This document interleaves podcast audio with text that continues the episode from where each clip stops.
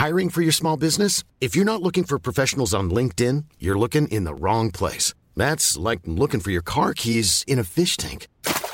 LinkedIn helps you hire professionals you can't find anywhere else, even those who aren't actively searching for a new job but might be open to the perfect role. In a given month, over 70% of LinkedIn users don't even visit other leading job sites. So start looking in the right place. With LinkedIn, you can hire professionals like a professional. Post your free job on linkedin.com slash people today.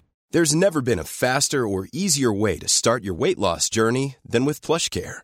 PlushCare accepts most insurance plans and gives you online access to board-certified physicians who can prescribe FDA-approved weight loss medications like Wigovi and Zepbound for those who qualify. Take charge of your health and speak with a board-certified physician about a weight loss plan that's right for you. Get started today at plushcare.com slash weight loss. That's plushcare.com slash weight loss. plushcare.com slash weight loss.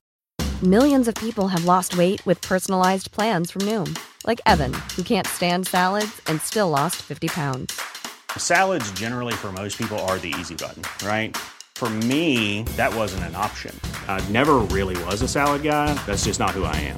But Noom worked for me. Get your personalized plan today at Noom.com. Real Noom user compensated to provide their story. In four weeks, the typical new user can expect to lose one to two pounds per week. Individual results may vary.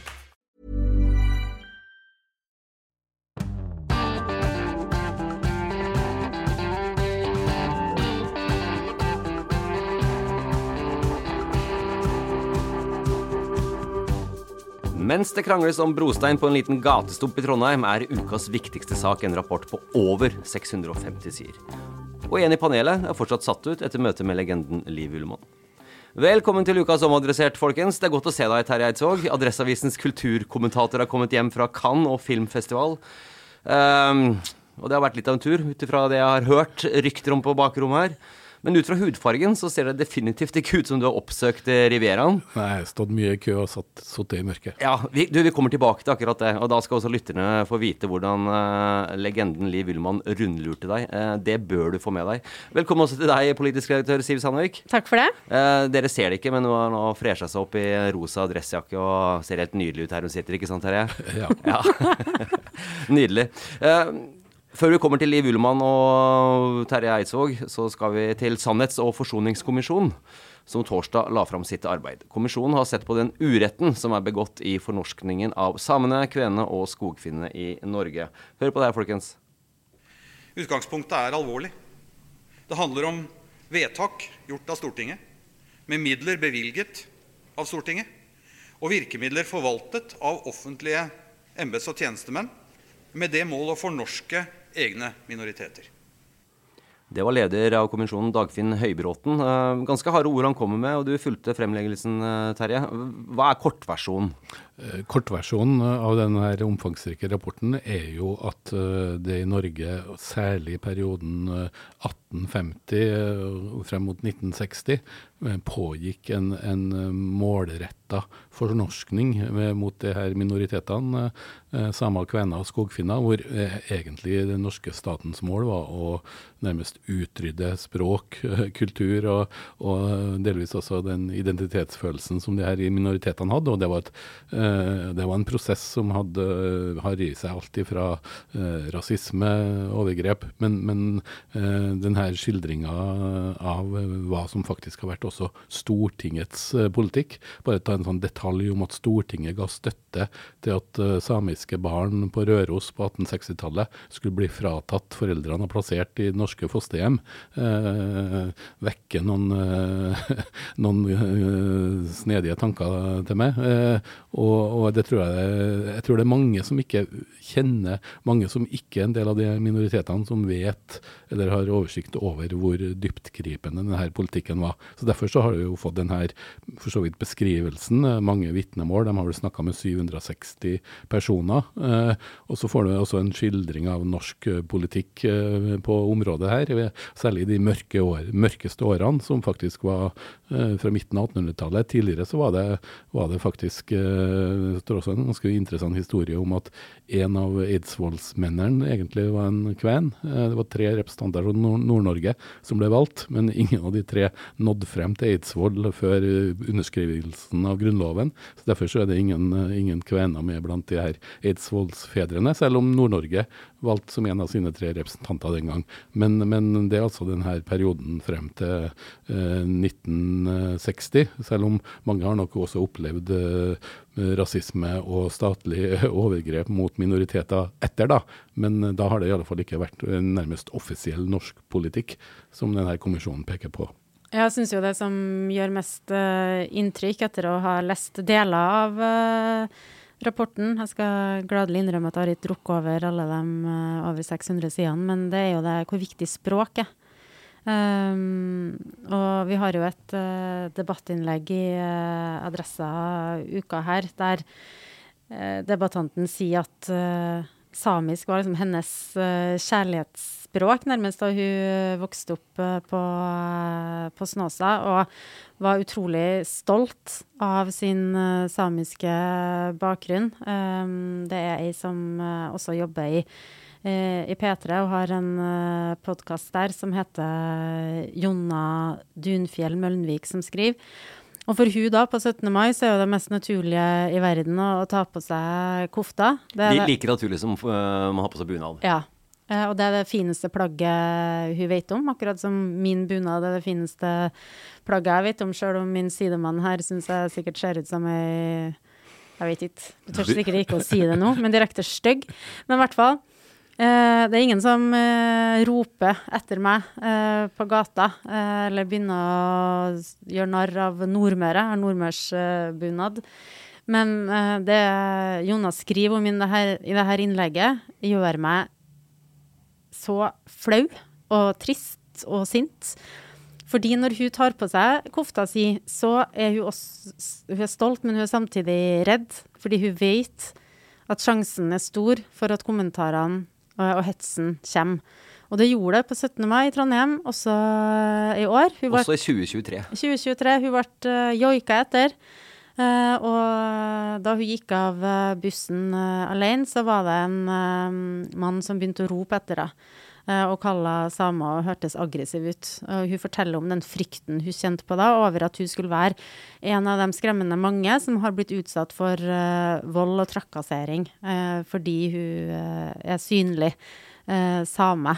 Og det her skjer nå, så det som står i rapporten om at den her fornorskningspolitikken kaster mørke skygger også inn i vår tid, det er jo dessverre veldig, veldig sant.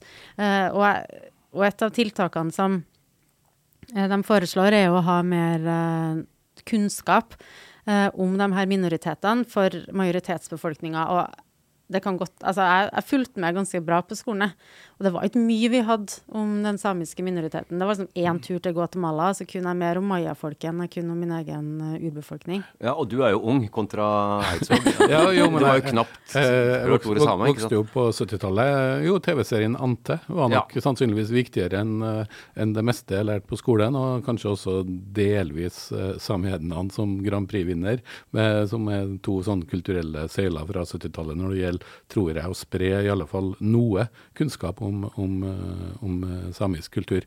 Men det er jo litt sånn interessant også, det heter jo Forsoningskommisjonen. Eh, og Den er jo inspirert fra De hadde jo en lignende i Sør-Afrika. handler om apartheid Dan Danmark har hatt det i forhold til Grønland.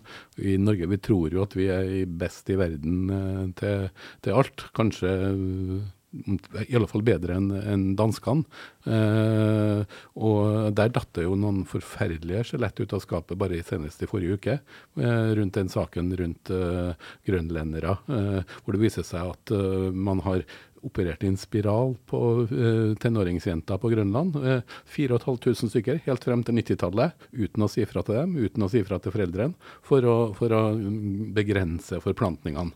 Uh, det der har jeg ikke fått med meg. Jo, jo, det, det, det, det, har vært mye om det i dansk media de siste tida. Men det sier jo bare om at, at også vi i det tror at vi i det siviliserte nordvest har, har godt av å se oss selv i speilet i forhold til hva som har vært konsekvensene av, av nasjonal politikk mot, uh, mot minoriteter. Mm.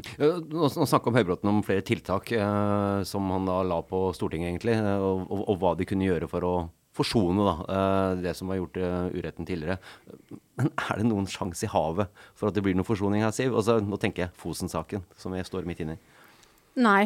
Jeg husker at da demonstrasjonene gjorde at også resten av uh, landet fikk øynene opp for uh, Fosen-saken og høyesterettsdommen som slo fast at konsesjonene for å bygge vindkraft i deler av de her utbygde områdene ikke er gyldig, så sa jeg at hvis det her ikke er løst når Sannhets- og forsoningskommisjonen eh, kommer med sin rapport, så kommer det til å bli et helvete.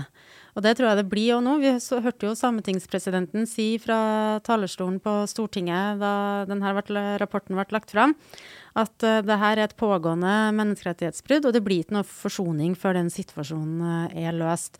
Og sånn, sameting, nei, unnskyld, stortingspresidenten sier jo at på en måte det målet vi har som et samfunn, som et sivilisert samfunn, er at vi beskytter minoritetene sine rettigheter. Og så har vi en høyesterettsdom som sier at her er ikke minoritetenes rettigheter ivaretatt.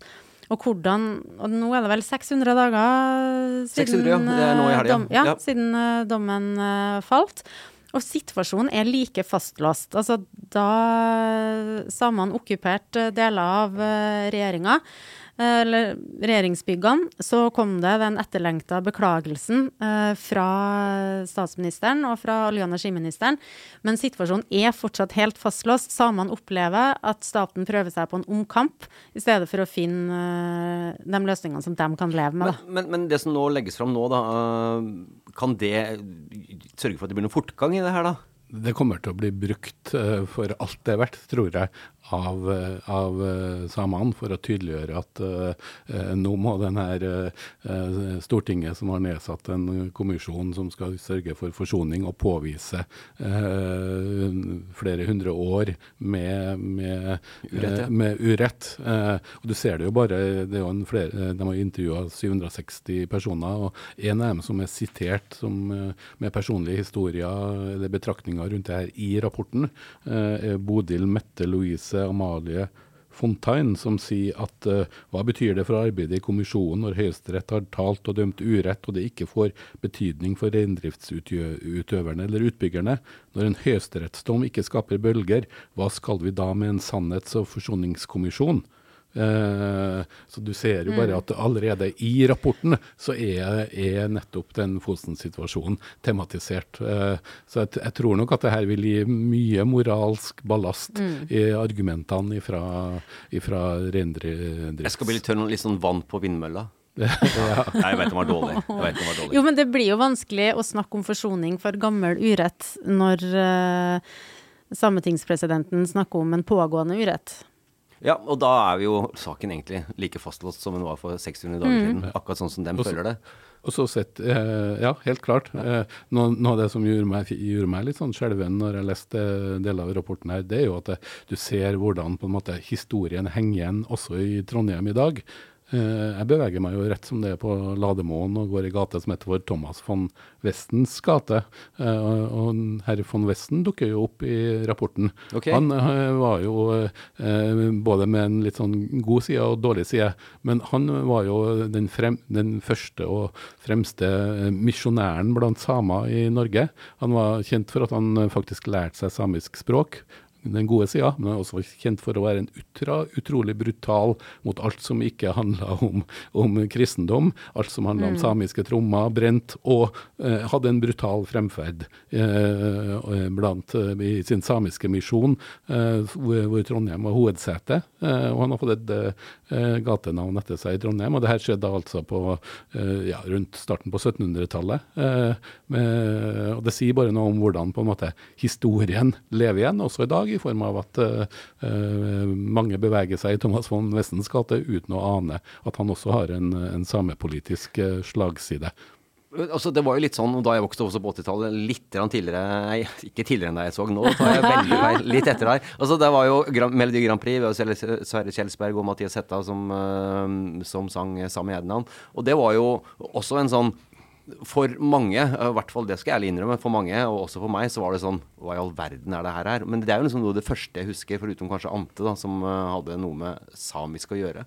Uh, også til tross for at jeg sannsynligvis langt der ute og bak der et sted har noen skogfinneaner, uh, tror jeg har forstått. Uten at jeg har fått den historien i hele tatt. Men jeg bare tror det, uh, med tanke på, på, min farmor. Og sånn tror jeg veldig mange har det. at man ikke vet egentlig har en aner, ha ikke aner. Ja, og det er jo den uh, nysame begrepet som har dukka opp, ikke sant. Folk som finner ut at ja, men herlighet. Uh, Oldemora mi, bestemora mi, snakka jo eh, samisk hjemme som barn. Det har ingen fortalt meg. Ikke sant? Fordi den her fornorskningsprosjektet gjorde jo at det var veldig mye skam knytta til det å, å, snakke samisk. Altså, det kommer jo fram i denne her, uh, rapporten ting vi har hørt om før, at folk ble slått på skolen.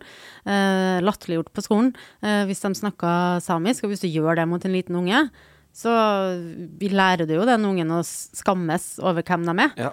Uh, og, den, og, nå er det jo sant, Nå skal jo uh, selverklært uh, nysame Isalill Kolpus ta over etter Pernille Sørensen på Nytt på Nytt.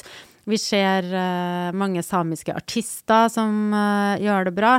Jeg, har en sitter igjen med en følelse av at det er en slags ny selvtillit da, over dagens uh, unge samer, som kanskje ikke har vært uh, like sterk uh, tidligere, og at de, de, vil være det på sine premisser. At de ikke vil bli påklistra en sånn rolle, og at de tar et oppgjør med den latterliggjøringa som har vært av samisk kultur. Jeg, er, når jeg tenker tilbake på min barndom og sånne sketsjer som ble sendt på TV og sånn, ekstremt rasistisk. Ja drit. Ja. Og samevitser ble fortalt av folk som aldri hadde ville fortalt en uh, tilsvarende vits om en uh, afrikaner, f.eks.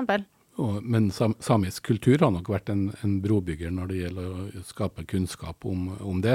Eh, joik har jo blitt en oppgave i Stjernekamp, og nå ser man også samisk. Sender man samisk Melodi Grand Prix eh, på TV. Så jeg tror kultur har vært veldig viktig for å gi hva skal jeg si, bred informasjon til det norske folk om samisk kultur. Men kunnskap om denne fornorskningsprosessen tror jeg fortsatt er veldig lite om. Selv om, selv om samisk kultur er mye mer tilstedeværende i norske medier nå enn kanskje den har vært noen gang aller siste spørsmål rundt akkurat den biten her. Det som nå skjer i dag, og det som skjer i etterkant der, vil det ha noe betydning for uh, et eventuelt valg? For vi uh, tenker jo hele tida valg her. Det syns jeg er vanskelig å si sånn i stort, så tror jeg ikke det. Men uh, den kan jo få betydning i enkelte kommuner der det er arealkonflikt, f.eks.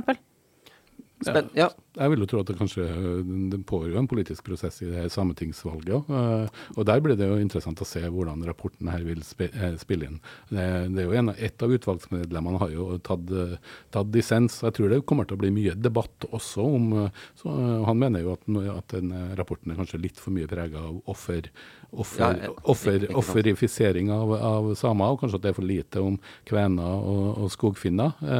Men samtidig så, så tror jeg den her rapporten rapporten er gir grunnlag for mange debatter framover. Ja, og det for en som helt, helt sikkert, det har fått øynene opp uh, blant mange folk om hvordan det egentlig har vært. Uh, og at uh, mange skjemmes nok av hva de har vært med på sjøl. sikkert deriblant oss også, som sitter her. Jeg bare får snakke om meg sjøl, da. Om ikke annet. Hva er det du skjemmes over, da? Nei, men også, Jeg har jo sikkert ikke, sikkert ikke vært verdens så tenkt liksom at de er en del av det norske osv. Uh, fortalt noen samevitser du ikke det, hadde fortalt i dag? Det har jeg nok helt sikkert gjort, jeg også, i min uh, ungdomstid. Så det må jeg bare beklage. Så ærlig skal jeg være. Uten at jeg kommer på noe konkret nå, men jeg tipper at jeg har gjort det. Uh, men dere sitter her og tenker at det har jeg aldri gjort. Så jo, da. Ja, nettopp. Folkens, um, bra at det kom fram. Uh, det må debatteres videre. Og det er jo sannsynligvis heller ikke ferdig, uh, som vi sier. Og en ting som heller ikke er ferdig, det er bråket om hva skal vi si Bakklandet og det som skal skje der. Fordi, altså, Én ting er i Bergen. etter ti år nå så ble det denne uka klart at Bybanen i Bergen skal gå over brygga og bybane. Bryggen. Du må nesten si Bryggen wow, wow, der, altså. Wow, wow, wow, Bryggen. ja, det heter Kone nå i Bergen. Ja, jeg vet det. Jeg ja, de er helt sjuke. Ja, det er helt latterlig. Eh, bybane blir fort en debatt i Trondheim også, men eh, akkurat nå så er det gatestubb på Bakkelandet som er den store kranglesaken eh, som politisk Eller stor og stor. Det jabbes i hvert fall om brosteiner som skal sørge for at det blir en motorvei for syklister gjennom Trondheims triveligste byrom. Og det har fått beboerne der til å rase. Og kanskje deg også, Eidsvåg? Nei, jeg rister mest på hodet, egentlig. Ja, Kjent stil, vil jeg si. ja, det, det, det, det, er hoderisting fra Eidsvåg i øst og i vest. Men det, det, det er jo eh, en av de mest populære områdene i Trondheim. Og det er også nok et av de stedene i Trondheim hvor det både går og sykler flest folk egentlig hver eneste dag. Eh, jeg både går og sykler der eh, ofte. Og jeg, jeg skjønner jo Jeg ser sånne kjendisopprør mot fjerning av brostein. Ja, så hva er greia? Bare ta det. Ja, greia er jo at man, eh, man har laga en plan for å ruste opp det her eh, gateløpet på Bakklandet, egentlig fra, fra gamle bybro og helt ned til Bakkbrua, i realiteten. Eh, og der er det jo nå et forslag om at man skal fjerne de brosteinene som ligger der, og erstatte dem med, med glattere brostein. Opprinnelig forslag var også å, å, å lage en slags midtstilt felt for, for sykkel og brostein på sidene, og større fortau. Eh, og så har jo beboerne først protestert mot den her midtstilte feltet for sykkel. Nå er det to, liksom to baner med det Det ja. kalles sykkelheller. Syklistene har ikke noe forrett til det egentlig, men det er de som sykler, sykler jo der, for det er veldig ubehagelig. Ja, men går du der uh, rolig, og det kommer en syklist bak, tro meg, du hører at den syklisten Ja. kommer bak, for det Eh, plinges, og det ropes, og det tutes. Det er mange idioter på, på sykkel også. Uh, men, men det som jo er, har vært noe av formålet med det her, er jo å også gjøre det bedre for de som går. Eh, et av problemene eh, for meg som både sykler og går på Bakklandet, er at det er veldig smale fortau. På vinteren er det helt håpløst, for da blir, da blir snøen liggende på fortauene, for de er for smale, påstår kommunen til at de kan ryddes, og da må du gå midt i gata.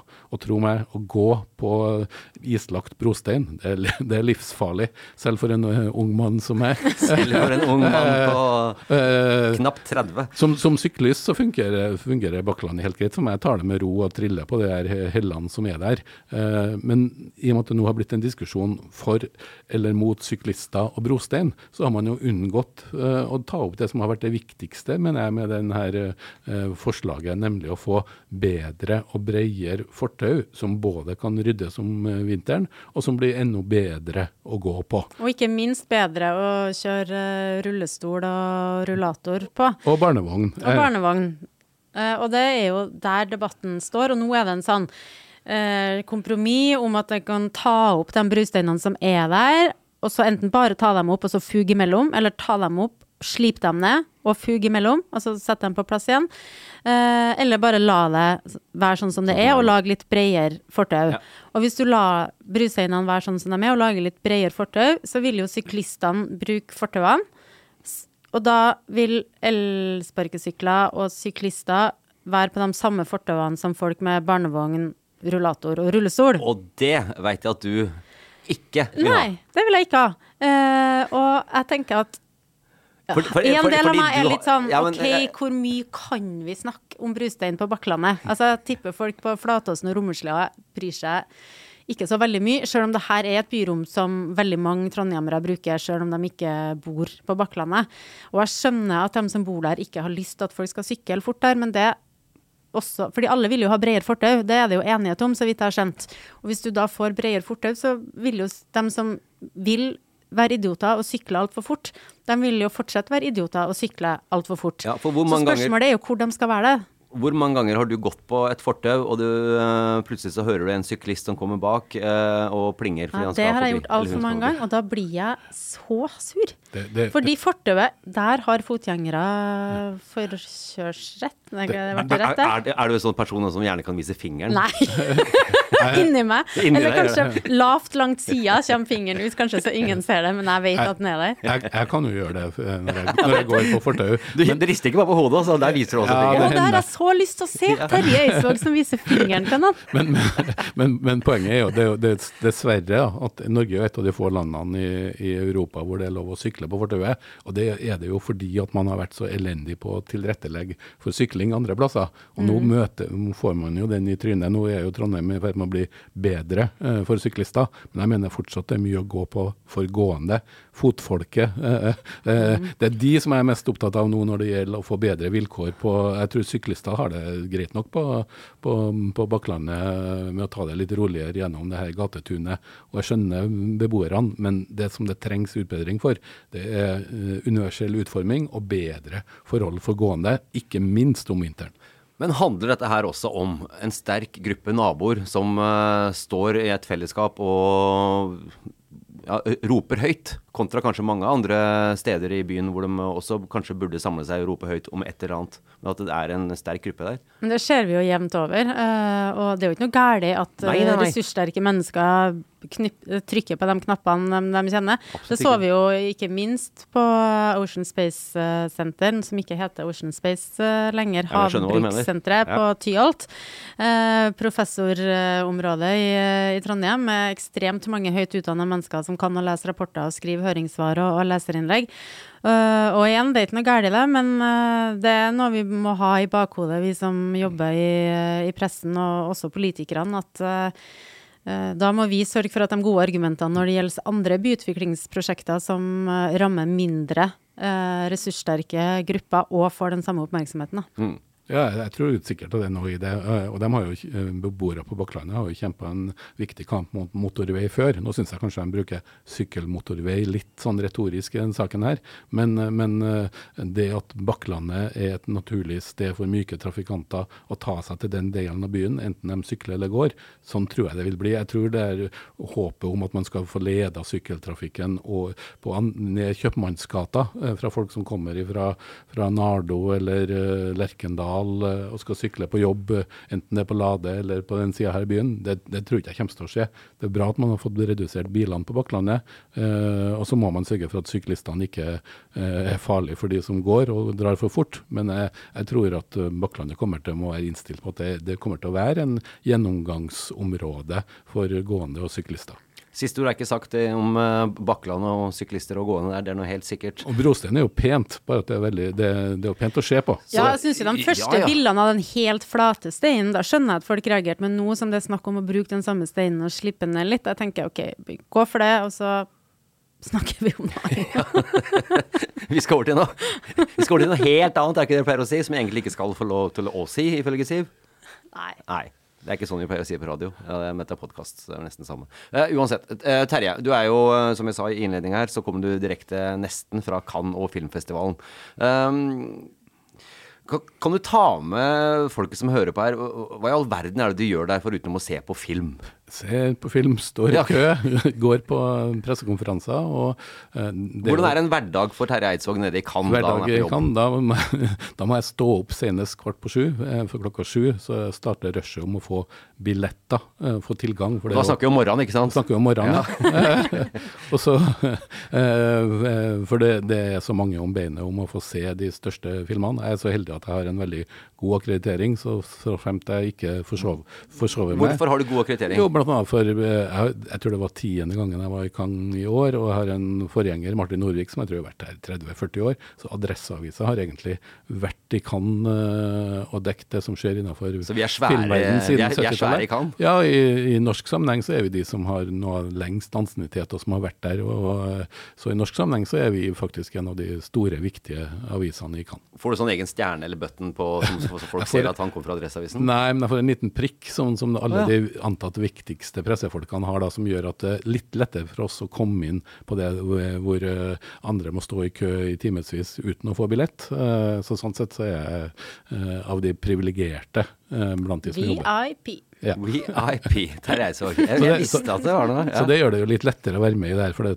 jeg tror det er 7000 pressefolk. Og det i den uh, salen hvor pressekonferansene er, så er det plass til 250. Uh, og da sier det seg jo selv at uh, det, det mange sliter med å komme inn der de vil. Men jeg tror jeg fikk komme inn på nesten alt jeg ville i år. Fantastisk. Men i altså Du var jo der nå i en ti-tolv dager. Uh, og der traff du Liv Ullmann. Ja, hun var jo der. Fortell om den historien ja, der. Jeg var jo der for å følge på, på verdenspremieren på den dokumentarserien Omma, som uh, også går på Viaplay nå, som hadde premiere i Cannes et par dager før. Uh, og så uh, fikk jeg, som uh, mange, en del journalister, uh, et eksklusivt intervju med. I Cannes så betyr det maks ti minutter. Og det som er enda verre, er at du blir sittet i et rundebord sammen med en idiot fra Sveits eller, eller Sør-Korea som, som tar, tar, tida. Men her fikk jeg ti minutter eksklusivt. Og jeg skulle inn etter Sveriges Radio på et, på et hotell der. og Liv Ullmann hilste, og vi prata, og prata litt om Trondheim og det. Og så idet vi skal til å gå, så tar hun meg i hendene og ser meg inn i øynene, så sier hun du du er en krabbespiser, du. og jeg må innrømme at eh, det, den, hadde, den så jeg ikke komme. så jeg ble litt sånn satt ut, og så måtte jeg jo si ja, jeg, er kjempeglad i krabbe. Jeg fisker krabbe, jeg koker krabbe, jeg spiser krabbe. Eh, får ikke nok krabbe, egentlig. Så, så spør jeg hvordan, hvordan, hvordan vet du det? Nei, akkurat det kan jeg se. Akkurat der jeg, er jeg litt synsk, sier jeg. Og så, blir, så kommer den svenske PR-agenten og uh, feier meg bort. Uh, for nå har jeg allerede brukt opp tida mi og vel så det. Og, så, og der sto du og bare tenkte hva i all verden? Ja, ja. begynner jeg å bli litt rar på gammeldagene, kanskje. Uh, nei, men, men jeg ble i alle fall satt ut, kan jeg rimelig si. Jeg grubla jo litt på det her. Og så på kvelden så møtte jeg jo min, min gode kollega Bigge Vestmo fra NRK. Uh, og fortalte jo den der uh, historien der. Og så Birger han kunne ikke vært pokerspiller, for han er veldig Han er, han er ikke noe på pokerfjes, han blir litt sånn rar i ansiktet. Og så sier jeg hva, hva, hva er det? Uh, så, så, sier han at jo, han hadde faktisk uh, intervjua Liv Ullmann ja, kanskje en halvtime før meg. Det vil si han har vært før Sveriges Radio. og mot slutten så hadde du spurt ham om han kunne si noe om han der journalisten fra Adressa. Uh, om, fortelle, om, han kunne fortelle Liv Ullmann noe om, uh, noe om uh, meg som jeg, hun kunne bruke for å sette meg ut. og da, da, må jeg innrømme at den store latteren tok meg det, Jeg er svak for practical jokes, og Liv Ullmann er altså ikke synsk, men hun er utspekulert morsom på en, på en frekk måte. Og jeg, jeg, ble mektig imponert over hvordan hun klarte å iscenesette seg selv som Fantastisk. synsk. det er helt nydelig, Siv. Jeg bare ser for meg og hun, med liksom henne hennes intensitet ja. tar hendene til Terje bare er du glad, glad i krabbe? liksom. Og at hun klarer å holde maska der. Ja, og ikke, ikke røpe det. Ja, ja. Men, har du truffet Traff du henne litt senere Nei, jeg, i festivalen? Nei, jeg har ikke truffet henne senere. Men Nei. hvis jeg treffer henne senere, så tror jeg vi begge kommer til å le høyt av det. ja, det kommer det helt sikkert til å gjøre. Uh, nydelig historie. Før vi avslutter, tida går fort uh, i godt selskap. Før vi avslutter, så må vi ha en liten anbefaling. Uh, kanskje Liv Ullmann-film? ja, den er jo veldig verdt å se, den serien som går på Viaplay. Viaplay. Liv Ullmann dokumentaren i tre deler. og etter å ha sett den, så vil jeg anbefale alle som ikke har starta starta, og starter på siste sesong av Succession. Ah. Hvor siste episode nå kom på, på mandag. Og uh, ja, uh, det er så deilig med, med TV-serier som slutter på topp, og som sier at nå er det slutt. Det kommer ikke sesong fem eller seks og som da har en utrullingsplan hvor de tre siste episodene faktisk er kanskje tre av de beste i hele serien, og hvor vi får en sånn refleksjoner både om det amerikanske valget, dramatikken versus Trump og Fox News, bakt inn i denne historien om familien uh, Logan. Uh, jeg skal ikke røpe noe om hvordan det går, men, men de her ti episodene av Succession som ble rulla ut i starten på april, og som nå ligger der komplett, det er garantert en av årets TV-begivenheter. Ja, jeg er helt enig med deg. og Der kan komme med en liten sånn uh, intern fra heimen. Jeg, jeg, følger jo Succession og fulgte siden starten. Uh, og kona, etter at jeg så siste episode, så bare så hun bort på meg, og så hørte jeg uh, Er du lei deg? Nei, så, så ut som jeg rett og slett felte en tåre der. Og det var nesten så jeg kanskje gjorde det, også. Fordi hva skal du gjøre nå? Ja, hva skal jeg gjøre nå, ja? Nå er det sånn tomrom. Noen klassisk tomrom etter at du har sett uh, ferdig en serie på, som har vært en tre-fire-fem sesonger. Så vi får finne på noe, men nå er det sommer. Da er det lite serier. Ja, Vel vente høsten igjen. Ja, det er skitvær. Det har du rett i. Men, uh, men vi skal ellers, alltid finne på noe. Ellers går det bra. Ellers går, ellers går det bra. bra. Folkens, veldig hyggelig. Uh, vi tar og møtes neste uke også. Og dere lyttere, for dere som ikke har hørt på tidligere episoder av Omadressert, søk det opp der hvor dere finner podkast. Vi ses!